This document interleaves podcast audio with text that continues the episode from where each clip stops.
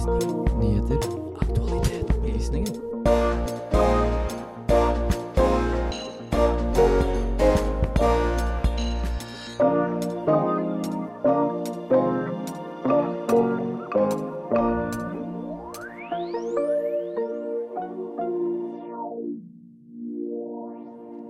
8. mars er en dag som mange kvinner kjenner på, men som menn ofte bare lar passere. Hvorfor bør også menn bry seg om den internasjonale kvinnedagen? Jeg, også kjent som Kanye West, kom i denne uken ut med den nye kjæresten til eksen sin, eh, Kim Kardashian. Hadde Kanye fått samme respons fra offentligheten om rollene ble snudd? Når man flykter til et annet land, forventer man at det skal forbedre livssituasjonen. Men hva skjer med de nordkoreanske kvinnene når de flykter til Kina?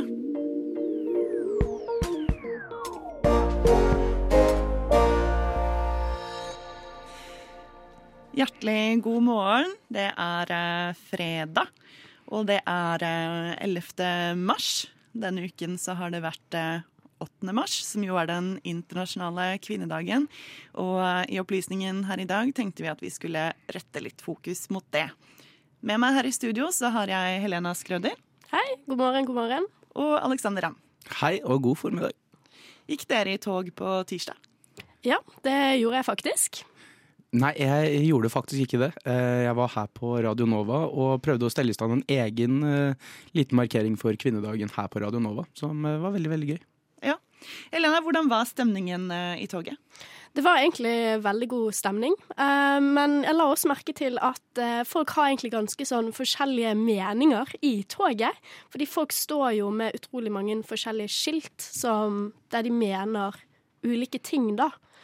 Um, ja, så det var litt sånn der eh, Litt sånn amper stemning. Det var litt sånn uh, Det var noen som så litt sånn stygt på folk som gikk med litt sånn uh, Litt sånn uh, annerledes, litt sånn annerledes skilt, da. Ja, gikk det liksom da med oss, og og at de forskjellige sakene som man på en måte prøvde å sette fokus på, at de kanskje var litt i klinsj med hverandre? Ja, det var jo en som gikk med skilt der det sto 'La meg selge sex'. og den, eh, den, eh, der så jeg at det var flere som eh, ga litt sånne kommentarer til den, da. Ja, men jeg tenker jo at eh, på en måte er det jo ganske flott at man kan ha så forskjellige meninger i samme tog. For det er jo eh, tross alt kvinnedagen, og alle kvinner må jo kunne ha sin egen oppfatning av hva slags rettigheter de har lyst på. Mhm, ja. Så er det jo kanskje litt spesielt, eh, det blir litt vanskelig for meg som mann å si det kanskje, men eh, det er jo kanskje litt spesielt at man, eh, at man opplever det. Da, at noen som du står i samme tog som, som liksom alle er her for å liksom fremme en sak som de mener er veldig viktig. Og så skal man forvente at, noen, at folk viser for, forståelse for den saken du fremmer, og så gjør man ikke det internt med andre saker som fremmes på samme, samme utgangspunkt. Det er jo egentlig en litt spennende ting som jeg ikke visste om.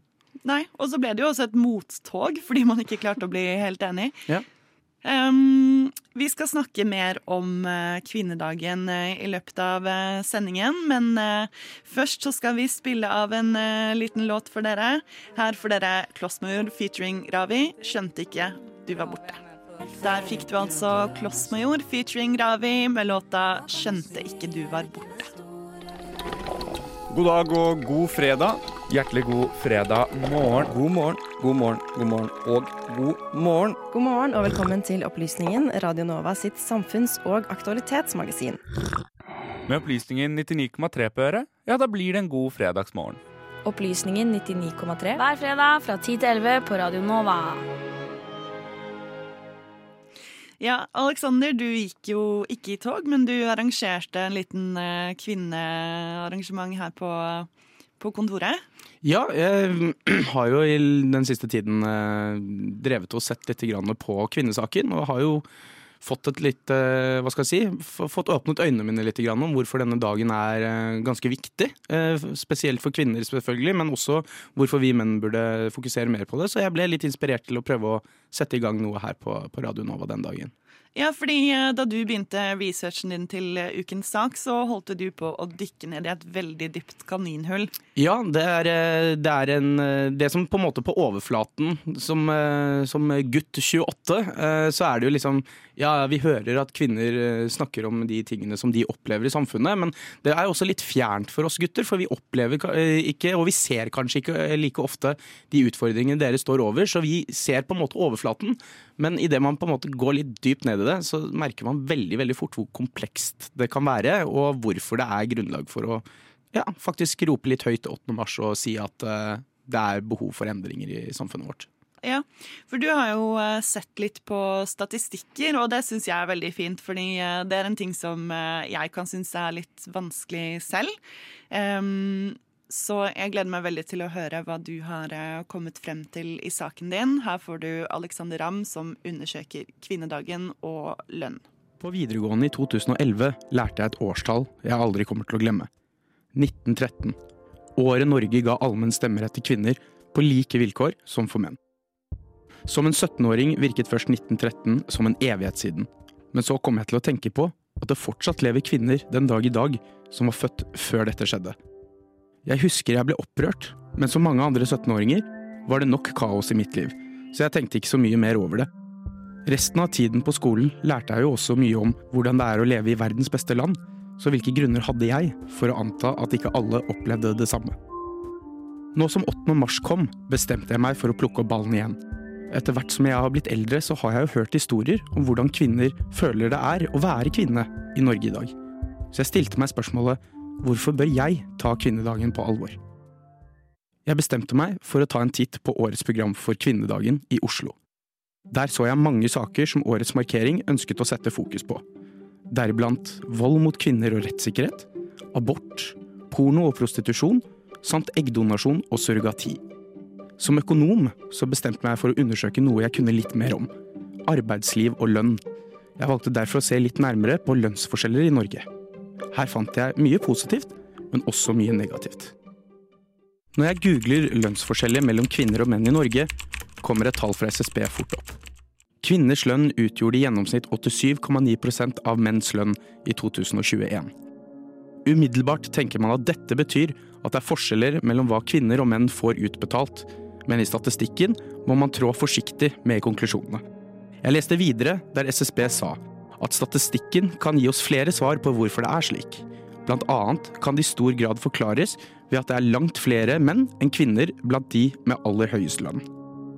Nok en gang må man jo spørre seg, er ikke dette også et bevis på at menn og kvinner behandles ulikt? Vel, jeg valgte å følge argumentasjonen som har gått i kvinnekampen siden 1800-tallet.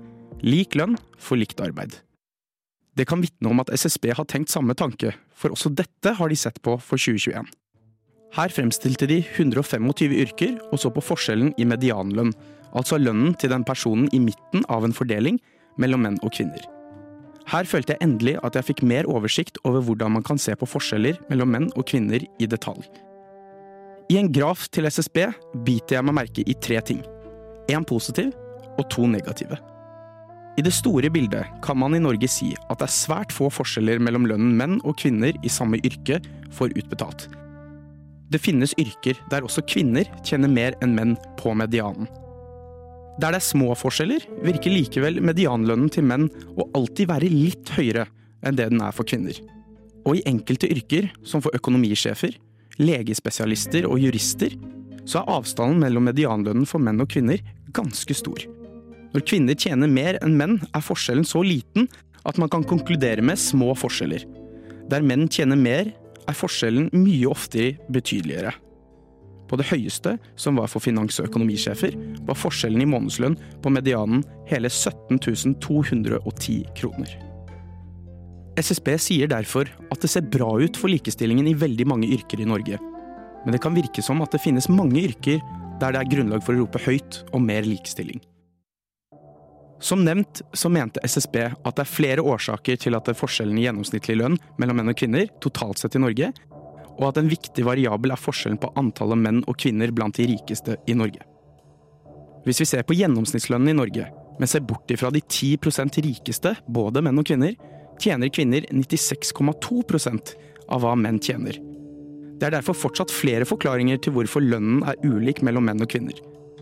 SSB nevner her flere slike årsaker, som at 46% av kvinner jobber deltid, mens det samme tallet for menn er 25% Kvinner er overrepresentert i offentlig sektor, mens menn er overrepresentert i privat sektor. Det finnes også kvinne- og mannsdominerte yrker, der mannsdominerte yrker ofte har høyere lønnsnivå. Etter å ha sett nærmere på denne ene delen av kvinnenes sak rundt den internasjonale kvinnedagen, sitter jeg igjen med en spesiell følelse. Selv om det i store deler av samfunnet kan virke som at alt er likestilt, ser det ut til at det er noen faktorer som jobber kvinnene imot. Jeg sitter også igjen med mange spørsmål. Hvorfor er det så få kvinner blant de rikeste i Norge? Hvorfor er lønnsnivået i kvinnedominerte yrker lavere enn de dominerte av menn? Hvorfor jobber kvinner mer deltid enn menn? Dette var mitt første forsøk på å bli bedre kjent med kvinnedagen og betydningen den har for det norske samfunnet. Og selv med en rask titt så fant jeg flere spørsmål som jeg skulle ønske jeg fant et bedre svar på. Jeg sitter derfor igjen med en følelse av at denne dagen fortsatt har betydning, og at det er verdt å sette fokus på kvinnekampen også i 2022. Også her i Norge. For første gang i mitt liv, med forståelse av hva disse ordene betyr, vil jeg ønske alle kvinner gratulerer med kvinnedagen som var. Dette innslaget var altså laget av eh, Alexander Ramm. Han eh, fikk svart på noen spørsmål og stilt noen nye som jeg håper han vil undersøke videre fremover. Eh, musikken var hentet fra Blue Dot Sessions. Vi skal straks videre og se litt på rabalderet rundt Kanye West og hans separasjon fra Kim Kardashian. Men først skal du få en låt her av meg. 'Blomst' med låta 'Gull'.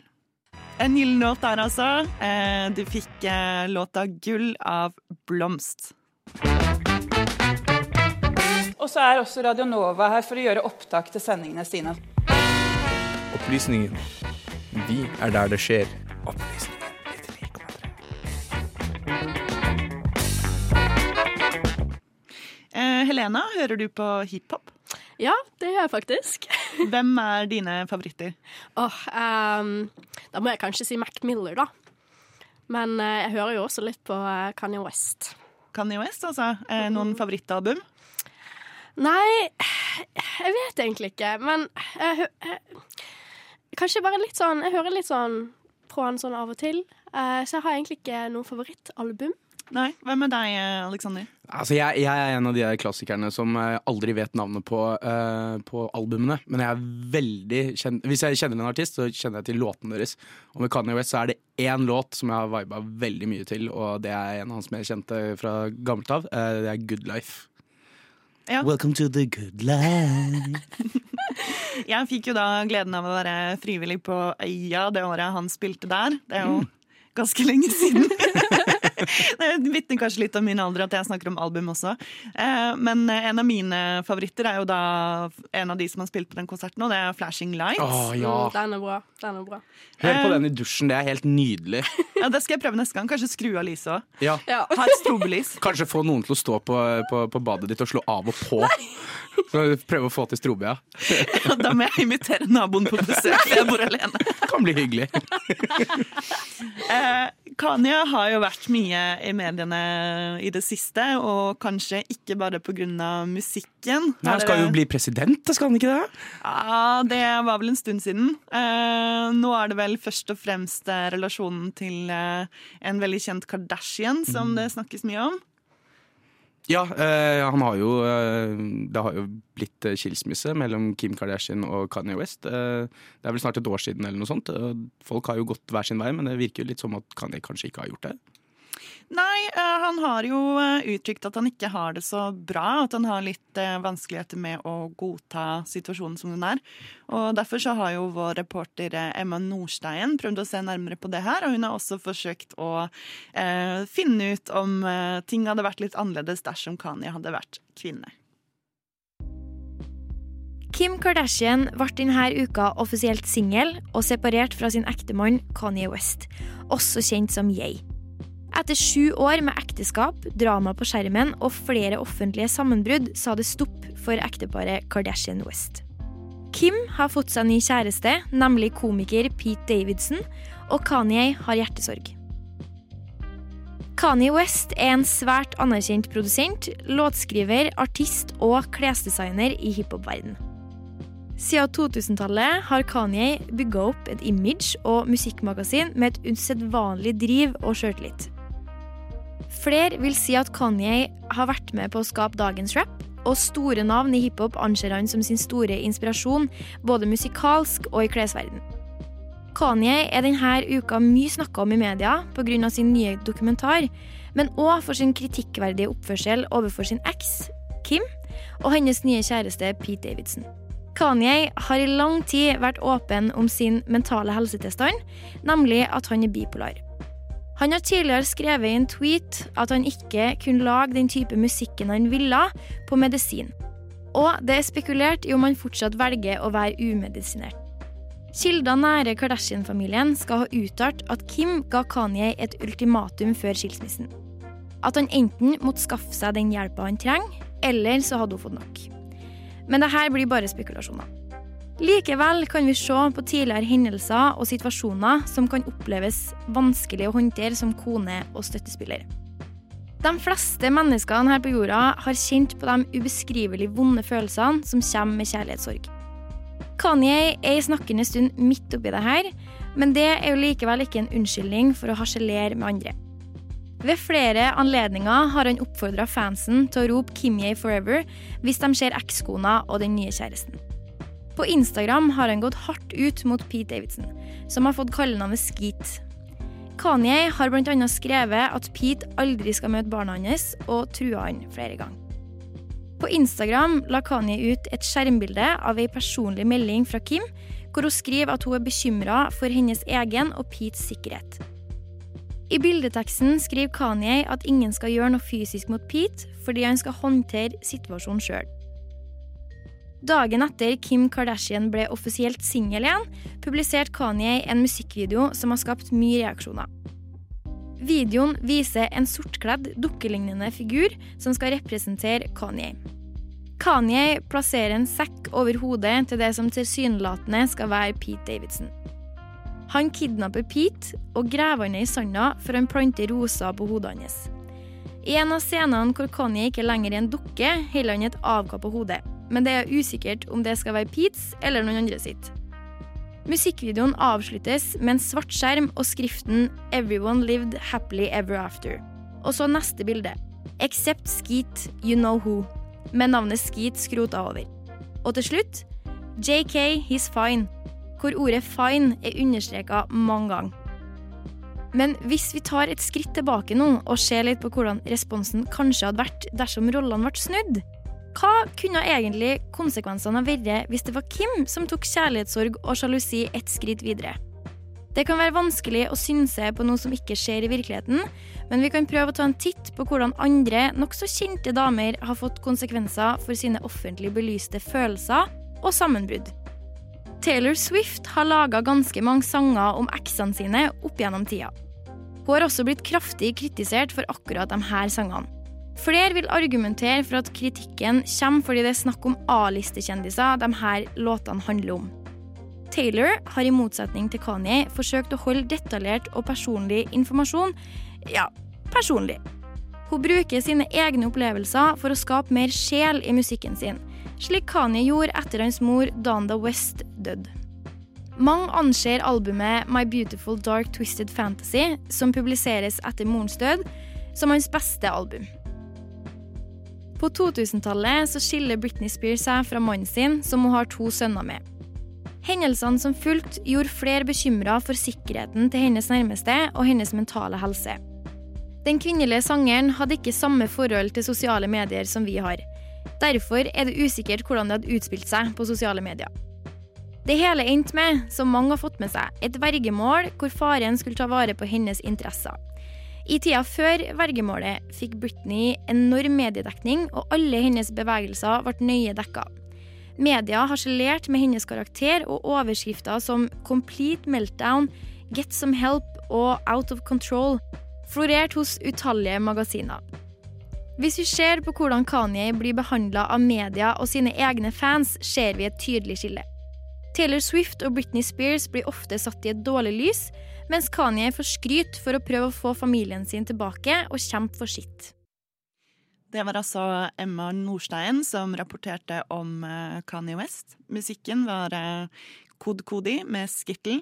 Straks så skal vi høre litt om eh, hva slags risiko kvinner som flykter fra Nord-Korea tar når de legger ut på vei. Men først skal du få litt musikk. Kilimanjaro med låta Everyone's a Psycho. Kilimanjaro der altså med Everyone's a Psycho. Du, Sander? Ja. Hvorfor har du blitt så smart i det siste? Jeg vet ikke, jeg har spist epler og havregrøt. Og så har jeg hørt på opplysningen, da. På Radio Nova. Ja. Eh, vi har jo snakket om kvinnedagen i dag. Eh, og kvinnekampen eh, går jo i forskjellig tempo eh, rundt om på jordkloden.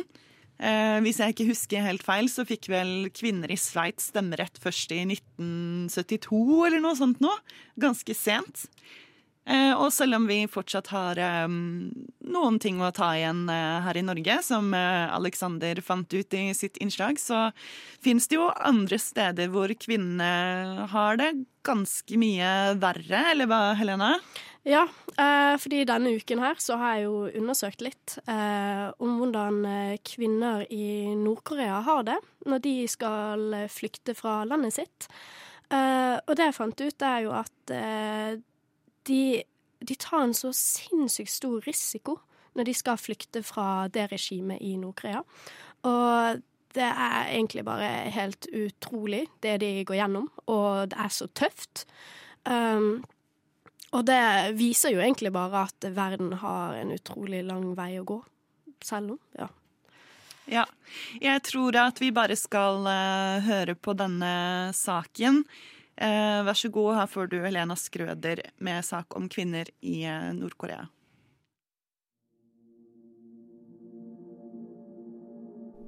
Siden 1953 har mellom 100 000 til 300 000 nordkoreanere flyktet fra Nord-Korea. De fleste nordkoreanerne flyktet til Kina, ettersom grensen til Sør-Korea er tungt militært bevoktet, og det er kvinner som representerer flertallet av nordkoreanere som flykter inn i Kina. En av grunnene til at de krysser grensen, er mangel på mat, eller andre grunner til at det er vanskelig å overleve i sitt eget land. Som sagt, så er en av grunnene til at kvinner flykter fra Nord-Korea, er at i nesten 20 år har hungersnød rammet Nord-Korea. Det nådde sitt høydepunkt på midten av 1990-tallet. Stort sett forårsaket av regjeringens politikk, kombinert med naturkatastrofer, drepte og fordrev hungersnøden på 1990-tallet millioner av nordkoreanere. Disse kvinnene i Nord-Korea ble spesielt sårbare da ektemenn og fedre døde. Disse kvinnene begynte å flykte til Kina på jakt etter mat og økonomiske muligheter for seg selv og sine familier. Uautorisert avreise er imidlertid en forbrytelse og ulovlig i Nord-Korea. Så selv om de søkte muligheter i Kina, ble de i stedet ofre for menneskehandlere og ofre for menn i Kina som betalte menneskehandlere for å kjøpe en nordkoreansk kone. Disse ekteskapene som kvinner inngår, ofte gjennom tvang, har ingen offisiell status i Kina og gis ingen juridisk beskyttelse. Kvinnene i disse ekteskapene er ofte fanget, ute av stand til å flykte. De lever også i frykt for å bli returnert til Nord-Korea, hvor de kan forvente fengsling, straff, tortur og mulig død. Likevel har de ikke lov til å bevise at de er politiske flyktninger. I stedet må de tåle utnyttelse og usikkerhet i Kina for å unngå å bli tvangsreturnert. Selv når de selges til partnere som ikke misbruker dem og oppdrar sine egne familier, nektes de fortsatt sine grunnleggende rettigheter. De og barna deres har ofte ingen juridisk status, og barn som er unnfanget i Kina, er vanligvis ikke beskyttet av lovene i verken Kina eller Nord-Korea.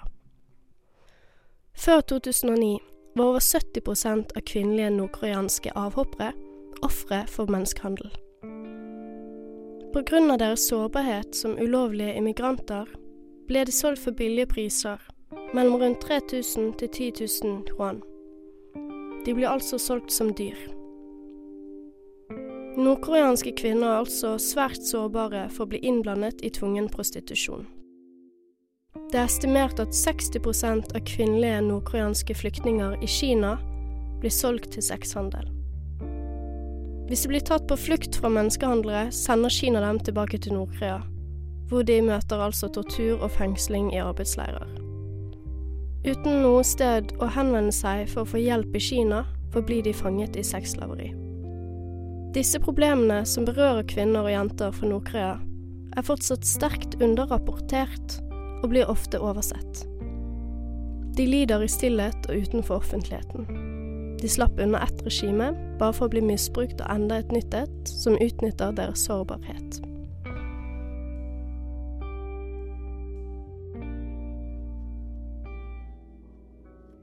Og reporter i denne saken var altså Helena Skrøder, og musikken var hentet fra Blue Dot Sessions. Nå får du Mallgirl med låta For Hannah. Der fikk du altså Mallgirl med For Hannah. Og det er altså så provoserende at folk tror at vi tuller, men vi gjør ikke det, altså. Dessverre.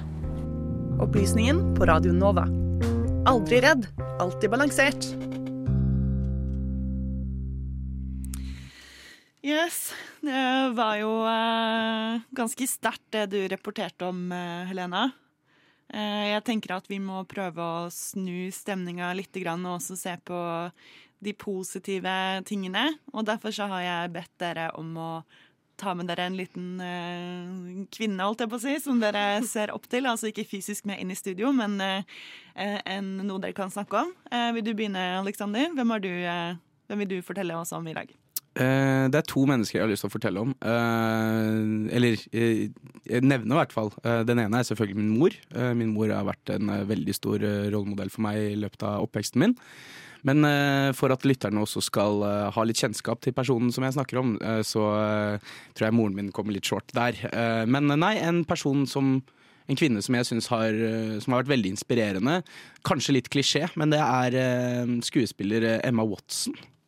Hun er jo mest kjent for rollen sin som Hermine i, i Harry Potter. Eh, men eh, hvis man prøver å se litt på hva hun har gjort i ettertid, så er hun en veldig selvstendig, sterk kvinne. Hun har studert på eh, høyeste nivå. Hun har drevet med skole ved siden av disse filmproduksjonene med Harry Potter. Hun er også en del av Jeg tror det er UN Women, eh, som er FN sitt eget eh, sin kvinneorganisasjon som kjemper for kvinners eh, rettigheter og likestilling. Og hun er også en, en veldig sterk stemme og ambassadør for FN på den fronten. Og hun reiser også, hun er mer enn på en måte bare ordene, hun reiser rundt omkring i verden. Hun har hatt dype samtaler med mennesker som En annen kvinne som er veldig inspirerende, er jo selvfølgelig Malala Yousafzai. Uh, snakket veldig mye med henne. De to har et veldig godt forhold til hverandre. Som, som er, de anser seg hverandre som veldig nære venner. Og det at de to er nære venner, vi- vitner jo også om at Malala ser verdi i eh, de ordene og den saken som Emma Watson også snakker om. Så jeg må si Emma Watson er en kvinne som jeg ser veldig, veldig opp til. Ja, og du Helena, hvem skal du eh, fortelle oss om? Eh, jo, eh, jeg skal snakke om en person som jeg lærte om på ungdomsskolen første gang. Og det er Marie Curie. Ja. Eh, fordi da hadde vi Vi lærte litt om hun da i eh, naturfag. Eh, og det som er så utrolig kult med Marie Curie, da, det var jo at hun eh, var den første kvinnen som eh, vant en Nobelspris. Hun var også den første personen som vant to Nobelspriser i kjemi og fysikk. Eh, og hun Det er så utrolig kult med hun, fordi hun hun fant opp Eller hun fant disse to nye eh, grunnstoffene, eh, polonium og radium. Eh, og hun har hatt så utrolig mye å si for videre forskning av dette. Og hun faktisk Hun Det hun har eh, Det hun eh, Dette med radium og polonium, da. Hun faktisk Hun døde jo av denne forskningen, så hun har faktisk virkelig gått fullt ut med dette. Og hun er en kvinne som jeg ser skikkelig opp til. Hun er så utrolig smart. og en virkelig en kul kvinne som eh, har hatt mye å si for naturfaget. Ja, og hun vant jo også Nobelpris ganske tidlig, på en måte. Altså, jeg ser for meg at um, eh, før så var det ikke så vanlig å på en måte utmerke kvinner for uh, ting de gjorde utenfor uh, hjemmet. Mm, ja, så er, hun er en skikkelig, en skikkelig rå, rå kvinne. Ja. Eh, jeg eh, har jo eh, tatt med meg en av mine favorittforfattere i dag, Jane Austen. Eh, jeg tenker at Altså, hun er jo veldig anerkjent, selvfølgelig, men det virker som at det først og fremst er kvinner som leser bøkene hennes og er opptatt av hennes forfatterskap. Og mange av de eh, yngre lytterne våre kjenner jo kanskje best til eh, filmene og TV-seriene som er basert på hennes eh, forfatterskap. Eh, noe av grunnen til at jeg tenker at det er lurt å Eller at hun fortjener å bli trukket ekstra fram, var at eh, jeg fikk høre av en som studerte engelsk litteratur på Oxford, at de ikke hadde snakket om Jane Austen i det hele tatt. Eh, og det sjokkerte meg litt, fordi eh, eh, nå er jeg ekstra fan, da, så jeg har lest mye bøker eh, om henne og hennes eh, forfatterskap. Og det er jo mange som påpeker at hun var en av de første forfatterne som faktisk brukte dramatisk ironi. Altså at leseren sitter på informasjon som ikke karakterene i boka har, da. Det er jo spesielt eh, i Sense and Sensibility så er det en scene hvor um, eh, halvbroren til hovedpersonene og hans kone sitter og snakker om eh, hvor mye de skal hjelpe dem økonomisk. Og så får vi liksom høre hvordan de hele tiden prøver å kutte ned fra at de skal få 1000 pund hver, til at de kanskje skal få et eh, kjøttstykke i ny og ne. Eh, og det vet jo vi leserne, men det vet ikke søstrene. Um, men eh, da lurer jeg på om vi rett og slett skal eh, gå til eh, ny låt. Eh, jeg Kos dere med Grapefruit og eh, Singers Out of Tune. Der fikk du altså Grapefruit og Singers Out of Tune. Gled dere, Radio Nova. for der svinger det. Radio Nova. We have a Radio Nova in Finland too, and it's it's completely crap.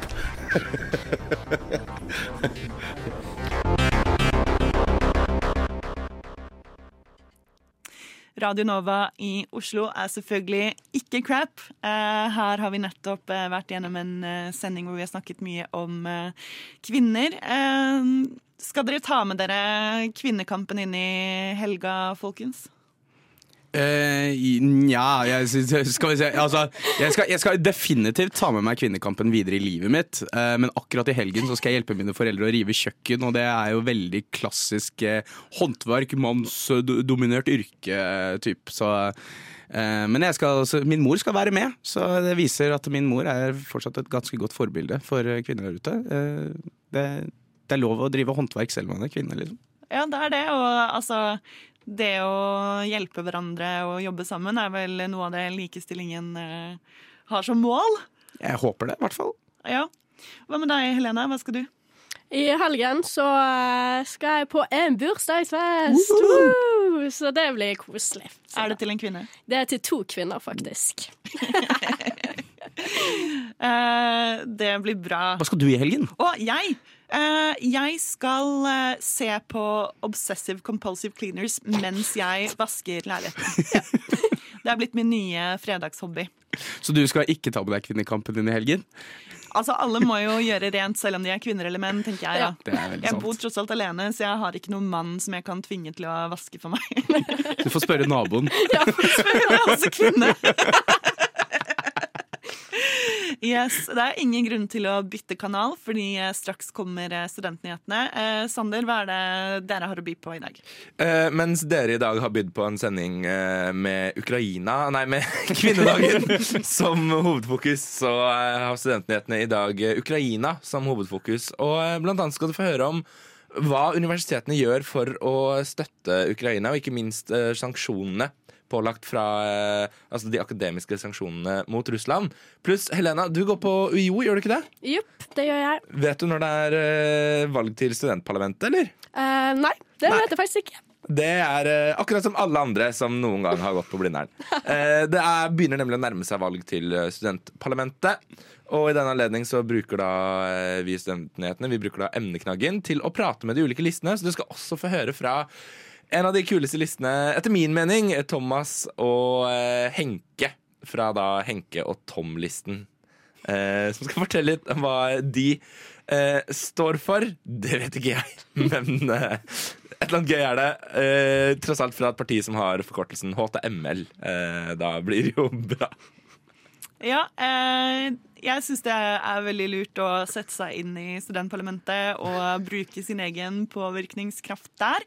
Eh, hvis du går på et annet universitet, så er det jo sikkert også verdt å finne ut eh, hvordan det er med valg og sånn der også. Eh, men da tenker jeg at eh, vi takker for oss. Eh, medvirkende i denne sendingen har vært Emma Nordstein, Alexander Ramm, Helena Skrøder.